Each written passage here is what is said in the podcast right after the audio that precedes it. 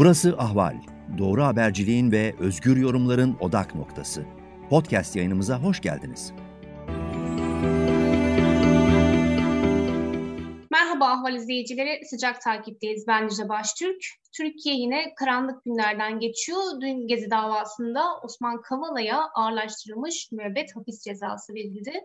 Yine Mücella Yapıcı ve Can Atalay gibi isimlere de 18'er yıl hapis cezası verildi ve haklarında tutuklama kararı çıkarıldı. Ee, bir yandan Ankara, Irak, Kürdistan bölgesinde askeri operasyon e, yürütüyor. Bir yandan Ermeni soykırımı tanınsın diyen HDP'li milletvekili Garapaylan lince maruz kalmış vaziyette. Suriyeliler tartışması var, ağır bir ekonomik kriz var. Bu son durumu değerlendireceğiz. Konuğum eski Kültür Bakanı siyasetçi Ertuğrul Günay. Merhaba Ertuğrul Bey, hoş geldiniz. Merhaba, iyi yayınlar Hanım. Teşekkür ediyorum. Şimdi Gezi davasıyla başlamak istiyorum. Ee, siz öncelikle dün çıkan kararları nasıl karşıladınız? Seçim tartışmalarının da yoğunlaştığı bir dönemdeyiz aslında. Bu anlamda bu kararı nasıl okumak lazım? Karar son derece haksız ve son derece üzücü. Bu konuda da geniş bir e, kamuoyu sanıyorum ki aynı şekilde düşünüyor. Ben gezi olaylarını baştan beri takip eden e, Türkiye Cumhuriyeti yurttaşlarından bir tanesiyim. Bir e, e, çevre eylemi kötü yönetildi e, iktidar tarafından maalesef. Bazıları önce oradaki mesajı aldıklarını söylediler, diyalog kurmaya çalıştılar. Ama arkasından e, Sayın Erdoğan özellikle bunu kendisine karşı bir kalkışma olarak gördü ve bir ölçüde e, bu olayları önlemeye değil de provoke etmeye dönük bir takım çalışmalar oldu ve Türkiye çapında da büyük protestolara neden oldu. Ama bu bir çevre, çevre eylemiydi özünde. Yani burada bir darbe hükümeti yıkmaya kalkışmak falan gibi bir şey değil. Bütün demokratik ülkelerde olan bir takım belki istenmeyen sokak gösterilerinde yol açılmış olmasına rağmen bir, bir kitle, bir protesto eylemiydi. Fakat çok abartıldı olay ve e, yıllar üzerinden de yıllar geçti. Yani 10 yıla yakın zaman geçti gezi olaylarının üzerinden. Evet. Şimdi hala gezi tartışması yapılıyor ve gezi üzerinden bir e, kriminalize etme, bir suç üretme gayreti var. E, ne yazık ki Osman Kavala'ya bunun en ağır bedeli şu anda ödetiliyor. Tabii öteki hükümlerin tamamı haksız bence. Yani Gezi'de bu şu anda yargılanan isimlerin e, suçlanması ve ceza alması kabul edilemez bir anlayış.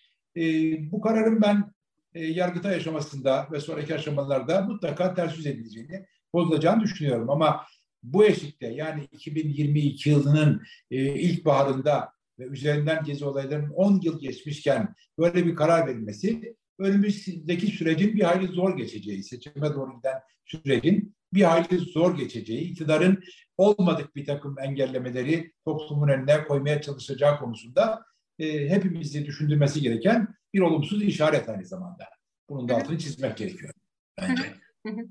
Aslında sembolik anlamları olan da e, isimler. Çünkü e, insan hakları savunucuları, hukukçular, kendi savunucuları, sivil toplum tem temsilcileri. Bu anlamda mesaj nedir? Ne dersiniz bu konuda? Şimdi tabii söylediğiniz gibi e, baştan itibaren kent bilincini korumaya çalışan e, İstanbul'da özellikle başta olmak üzere e, çevre duyarlılığını, tarihsel yapıların e, bozulmasını korumaya çalışan bir takım simge isimler var burada. Mücella Yapıcı gibi. Onların cezalandırılması, işte e, iktidara karşı protest tavırlarıyla tanınmış bulunan bir takım e, yine aydınların e, suçlanması ve tabii Osman Kavala orada. Yani Osman Kavala dört buçuk yıldan bu yana içeride, dört yıl beş ay oldu galiba, içeride. Ben elinde sonunda mutlaka çıkacağını ve çıkacağını değil, aklanarak çıkacağını e, kuvvetle tahmin ediyorum. Buna inanıyorum çünkü ben Osman Kavala'yı şahsen bir insan olarak 30 yılı aşkın süreden bu yana çok yakından tanıyorum. Yani ne kadar iyiliksever bir insan olduğunu, ne kadar insan hakları konusunda duyarlı olduğunu ve ne kadar demokrasiye bağ, bağlı bir insan olduğunu e, biliyorum, bizzat biliyorum. Yani bunu duyarak, dosyayı okuyarak falan söylemiyorum. Yaşamıyla biliyorum. E, onun üzerinden sanıyorum bir mesaj verilmeye çalışılıyor. Yani bir insan suçlu olmasa bile biz onu hapislerde tutabiliriz. Suçlu olmasa bile en ağır cezayı verebiliriz konusunda belli kesimlere gözdağı veriliyor. Nereye gözdağı veriliyor? Belki iktidardan hoşnut olmayan e, varlıklı çevrelere gözdağı veriliyor. Osman Kavala üzerinden e, ve işte öteki isimler üzerinden. E, bir de galiba benim gördüğüm bunu hep söylüyorum yadırgıyorlar ama tekrar edeyim izin verirseniz. Bir evet. sınıfsal ölç alma sınıfsal ölç alma kaygısı da görüyorum. Yani Osman Kavala esas itibariyle bu iktidarın tepesindekilerin üzerine giymeye çalıştıkları fakat bir türlü oturtturamadıkları birçok cekete sahip. Yani e, kökten zengin, e, okur yazar, dünyada tanınmışlığı var, e, dünya bilgisi var, entelektüel kişiliği var.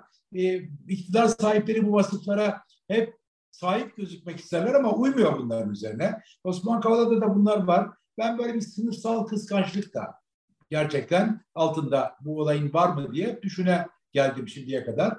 Hala da öyle düşünüyorum ama yani hangi nedenle olursa olsun insanlara e, ortada ciddi bir suç yokken bu kadar ağır cezalar verilmesi kabul edilemez. Tabii mahkemenin özelliği de burada dikkat çekici. Yani bir yargıç düşünün insanlara 18 yıl ya da ağırlaştırılmış müebbet kararları veriliyor, cezaları veriliyor. Mahkeme üyelerinden birisi karara muhalif. Yani onu ikna edememiş mahkeme. Dosyadaki deliller bir hakimi ikna edememiş. Ama öbür iki hakim o çokluğuyla böyle bir trafik kazası değil bu. Yani bir işte bilir kişinin e, şöyle ya da böyle olsun dediği sıradan bir dava değil. Son derece önemli bir e, davada e, öbür iki üyenin oy çokluğuyla insanların neredeyse hayatını e, ortadan kaldıran bir karar veriliyor.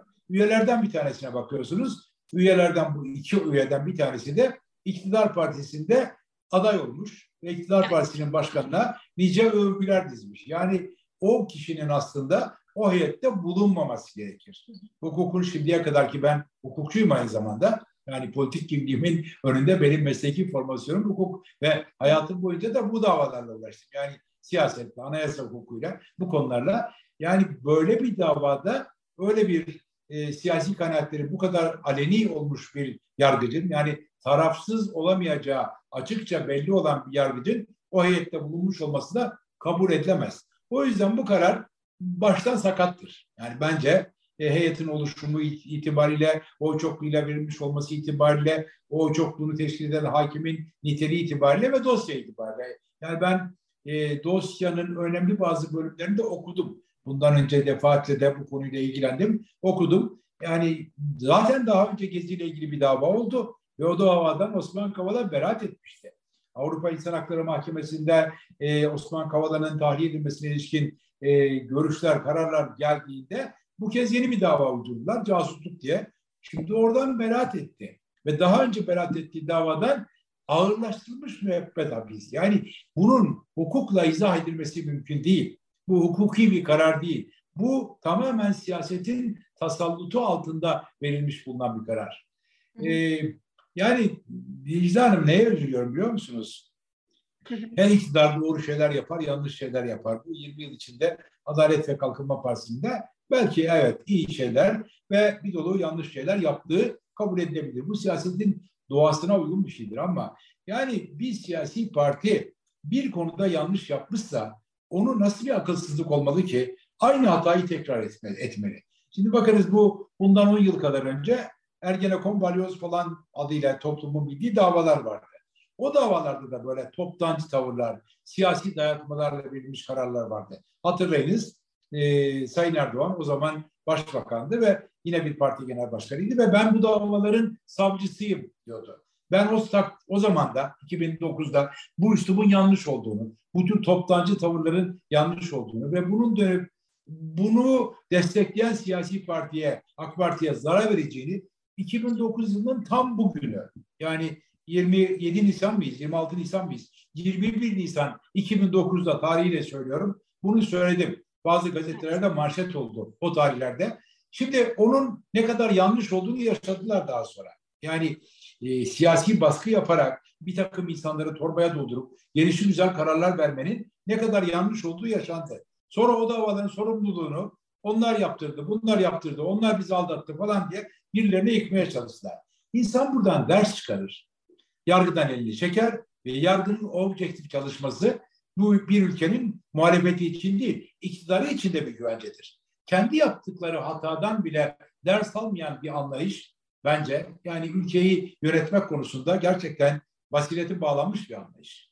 Yani bunun bedellerini toplum olarak ödüyoruz. Tabii şunu da söylemek lazım. Biz şimdi Gezi davası vesilesiyle hukukun geldiği bu acınası durumu konuşuyoruz ama bu bugün olmadı tabii. Yani birkaç yıldan bu yana yani 2014, 15, 16 özellikle bu e, darbe girişiminden sonra ortaya çıkan yargılama usulleri fevkalade adalete aykırı. Yani nice insana, e, nice harbiye öğrencisine, nice emir altındaki sıradan askere cezalar verildi. Yani onların hepsi aynı infiali hak eden kararlar. Belki de o eşiklerde yeteri kadar tepki gösterilmediği için bu haksızlık böyle katlanarak devam ediyor. Umarım ki bundan gereken dersi çıkarmış oluruz ve bundan sonra bu kararların bizi acıtması değil, başkasını acıttığı zaman da gereken tepkileri göstermekte geç kalmayız.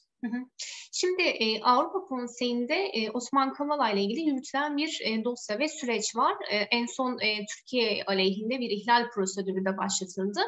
Bu anlamda bu karardan sonra e, ne dersiniz? E, Avrupa Konseyi'nde e, Türkiye'ye karşı bir e, yaptırım kararı çıkar mı ve bu üyelikten çıkarılmaya kadar varır mı? Ankara bunu göze alabilir mi ve e, bu son Ukrayna krizinden sonra da e, Avrupa denkleminde bu karar, bu son e, yapılanlar nereye oturur edersiniz? Şimdi Avrupa Konseyi ile Türkiye'nin bu gergin ilişkilerinin bir tarihi var. Yani Türkiye bundan e, 40 yıl önce bir darbe de yaşadı. Ben o süreci çok yakından yaşayan insanlardan birisiyim. E, o dönemde de Türkiye'de haksız yargılamalar, haksız kararlar oldu. İnsan hakları ihlalleri oldu ciddi biçimde. E, fakat e, Avrupa büyük ölçüde uyarmakla, kınamakla yetindi. Bu eşlikte de ben bunun ötesinde çok fazla bir şey beklemiyorum. Yani ağır eleştiri raporları çıkacaktır. Ağır uyarılar çıkacaktır ama onun ötesinde çok fazla bir şey beklemiyorum. Çünkü e, Türkiye'nin e, bütünüyle koparılması, dışlanması, Avrupa dışına atılması Avrupa'nın da temel tercihi değil. E, Türkiye bu ilişkilerin e, kopması şu anda çok beklenir bir e, durum değil benim gördüğüm. Ama uyarılar gelecek. Yani bu bazı bir takım yaptırımlar olacak. Bir takım raporlarda daha ağır ifadeler olacak. Oluyordu zaten bunda. Bu tekrar edilecek. Ama siyasi iktidar bunlara fütursuzca şimdilik göğüs görüyor, geliyor gibi gözüküyor. Neden? Önümüze, önümüzde bir seçim var. Seçime kadar dayandığı kadar dayanacak. Ama bu işin nihai çözümü seçimde ortaya çıkacak. Yani Türkiye önümüzdeki seçimde ki bu seçim en fazla bir yıl içinde en fazla yani bir yıl 13 aya sürmez ama 7-8 ay sonra olabilir. O tarihte Türkiye ya böyle Avrupa'dan da kopmayı, dünyanın medeni dünyanın doğrultusundan da kopmayı göze alan bir çizgiye doğru savrulacak. Ondan sonra Avrupa ile ilişkilerimiz çok daha kötü bir noktaya gelebilir. Ya da buradan e, demokrasiye tekrar dönmek konusunda yeni bir gayreti başlatacak. Ee, Avrupa Konseyi ve Avrupa'nın öteki birimlerinin o eşeğe kadar dişini sıkacağını düşünüyorum ben. Yani Türkiye'yi tamamen koparıp başka bir kampa itecek bir kararı vermeyecekler ama çok ciddi uyarılar gelecek. Hı hı. Şimdi, beklediğim budur. Şimdi bir yandan da e, Ankara'nın Irak Kürdistan bölgesine başlattığı bir operasyon var. E, bir yandan Suriyeliler tartışması başlamış durumda iç politikada. E, Cumhurbaşkanı Erdoğan bu konuda bir politika değişikliğine gitti ve Suriyelileri gönüllü de olsa geri göndermekten bahsetti. Bir yandan e, Garo Paylan, Diyarbakır Milletvekili, HDP Milletvekili bir lince maruz, e, maruz tutulmuş durumda. E, Ermeni soykırımının tanınmasını istediği için. Ne dersiniz? Bütün bu ard arda yaşanan e, olaylarla beraber Türkiye bir değişime daha mı gidiyor ve bu değişimi nasıl tanımlamak lazım? Ne dersiniz? Şimdi Türkiye bakın e, bir seçim yasası değişikliği yapıldı. O bundan birkaç ay önce. O seçim yasasında çok temel değişiklik. Bu hakimlerin seçim kurullarının değişikliği o da çok önemli ama onu ayrı tutuyorum. Temel değişiklik. Geçen eşikte bir yasa çıkarmışlardı 2018 eşiğinde. E, ittifak bloklarının toplam oylarıyla fazladan milletvekili çıkarma imkanı veriyordu. Bunu MHP ve AKP kitlesi geçen sefer kullandı. Öbürleri de kullandı ama e, bir e, Cumhur İttifakı dediğimiz ittifak daha büyük olduğu için daha fazla milletvekili çıkardı. Şimdi bunu değiştirdiler. Niye değiştirdiler? Çünkü çıplak gerçeği görüyorlar. Bu kez Cumhur İttifakı'ndan Millet İttifakı'nın toplamı daha fazla gözüküyor. Şimdi yani muhalefetin bu kez eğer Türkiye olan şartlar içinde seçime giderse hem parlamentoda çoğunluk olması ihtimali çok kuvvetli. Çünkü bu seçim yasası değişikliği bunun itirafı. Muhalefetin çok olacağını gördükleri için bu artık oylarla milletvekili çıkarmayı tekrar kaldırdılar. E, hem de Cumhurbaşkanı e, değişikliği, Cumhurbaşkanının yeni bir Cumhurbaşkanı seçilmesi kuvvetli bir ihtimal. Tabii iktidar öyle bir durumda ki e, güllük gülistanlık bir seçim ortamına Türkiye'yi e, galiba bırakmamaya çalışacak. Yani bu nasıl olabilir? E, 7 Haziran'dan 1 Kasım'a giderken oldu 2015'te. Bundan e, 6-7 yıl kadar önce biz bunu yaşadık aşağı yukarı. 7 Haziran'da oldukça olağan koşullarda bir seçim yapılmıştı ve Adalet ve Kalkınma Partisi tek başına iktidar olma, o zaman parlamenter sistem vardı, olma imkanını kaybetmişti. Şimdi bu kez de e, sonra ne oldu? E, çok olağanüstü bir takım koşullar, e, bir takım gerginlikler, bir takım çatışmalar, bir takım patla, bombalar vesaire gibi Türkiye can derdine düşürüldü ve 1 Kasım'da 6 ay sonra bambaşka bir seçim sonucuyla Türkiye karşılaştı.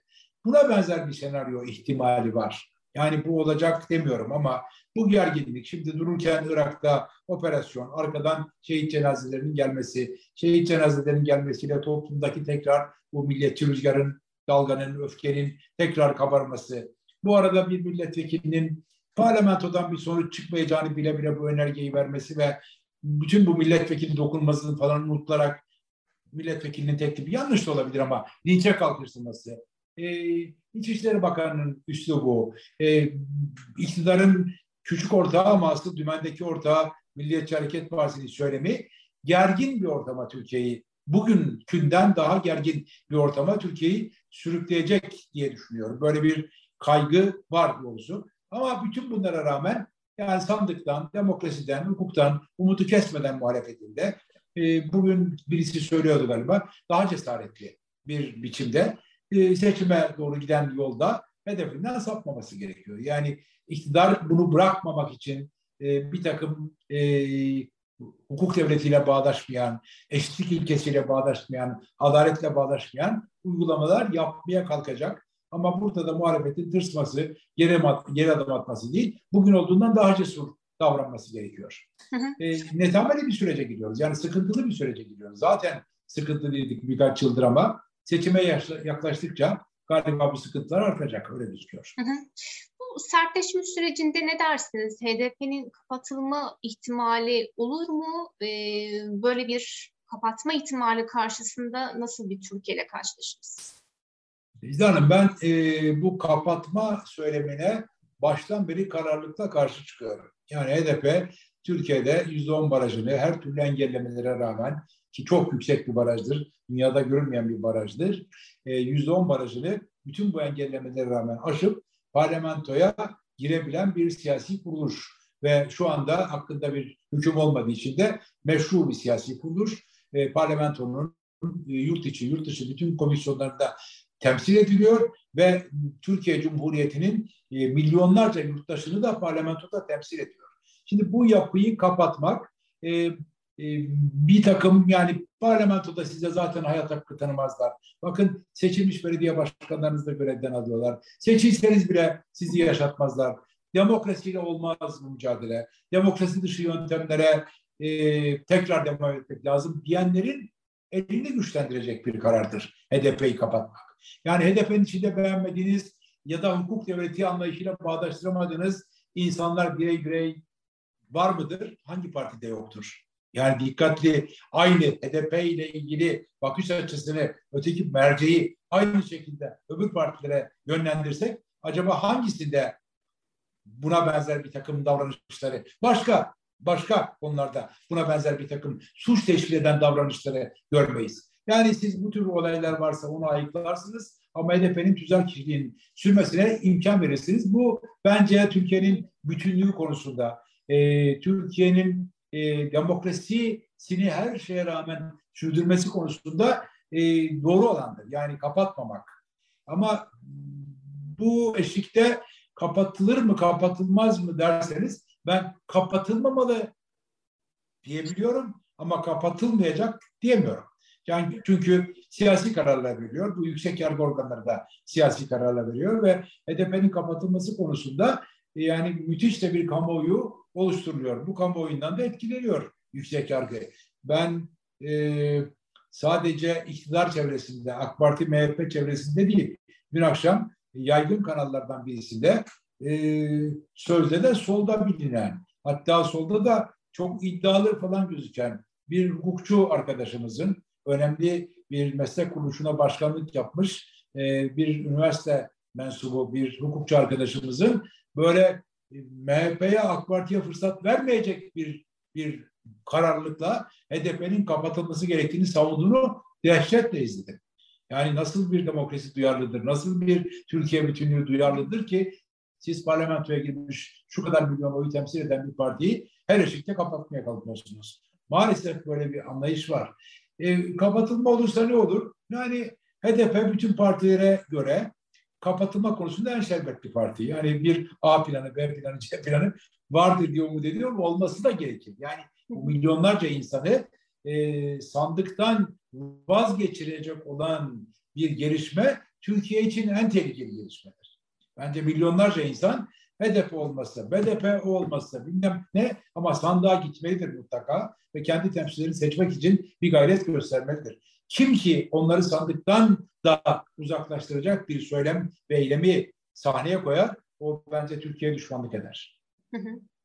Peki son olarak çok da vaktinizi almadan Ertuğrul Bey, e, Türkiye çok ağır ekonomik koşullar altında ve bu tarz gerginlik yaratıcı, toplumsal fay hatlarına dokunan söylemler ve uygulamalar artık seçim sürecinde iktidara yarar mı ne dersiniz? Ee, ya ekonomi bizim dünyanın her yerinde, bizde de e, çok belirleyici. İşte Macaristan seçimleri oldu. E, önemli argümanlardan bir tanesi ekonomi çok da kötü değildi diye herkes anlatıyor. Bunu buna itiraz edenler de var ama objektif değerlendirme böyle.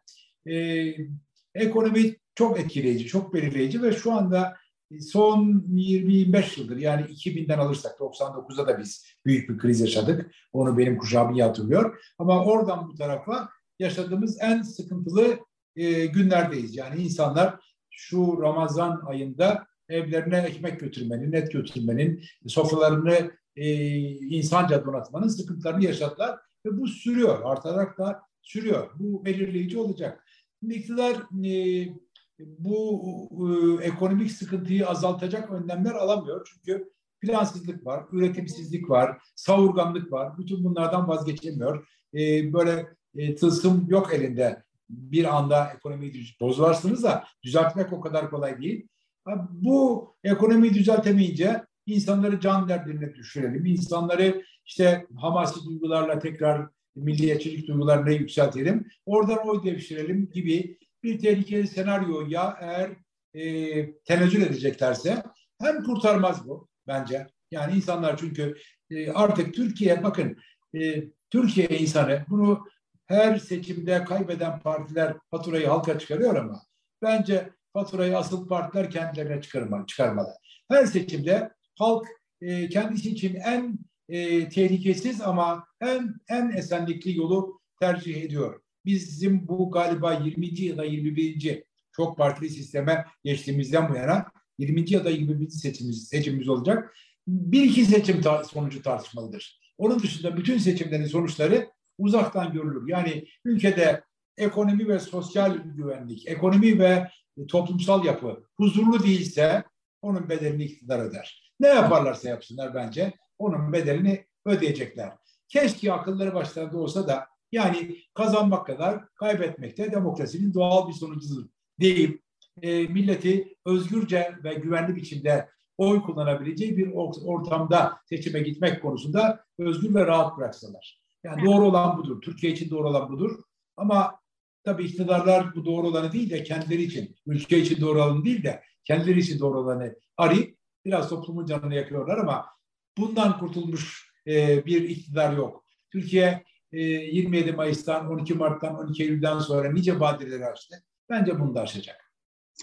Peki çok teşekkür ediyorum vakit ayırdığınız için, değerli görüşleriniz için. Rica ederim. Ben size çok teşekkür ederim. İyi yayınlar, iyi akşamlar. İyi akşamlar.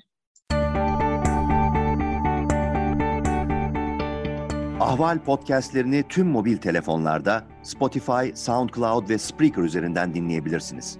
Apple iPhone kullanıcıları bize iTunes üzerinden de ulaşabilir. Türkiye'nin ve hayatın cıvıl cıvıl sesleri Ahval Podcast dizisinde. Kulağınız bizde olsun.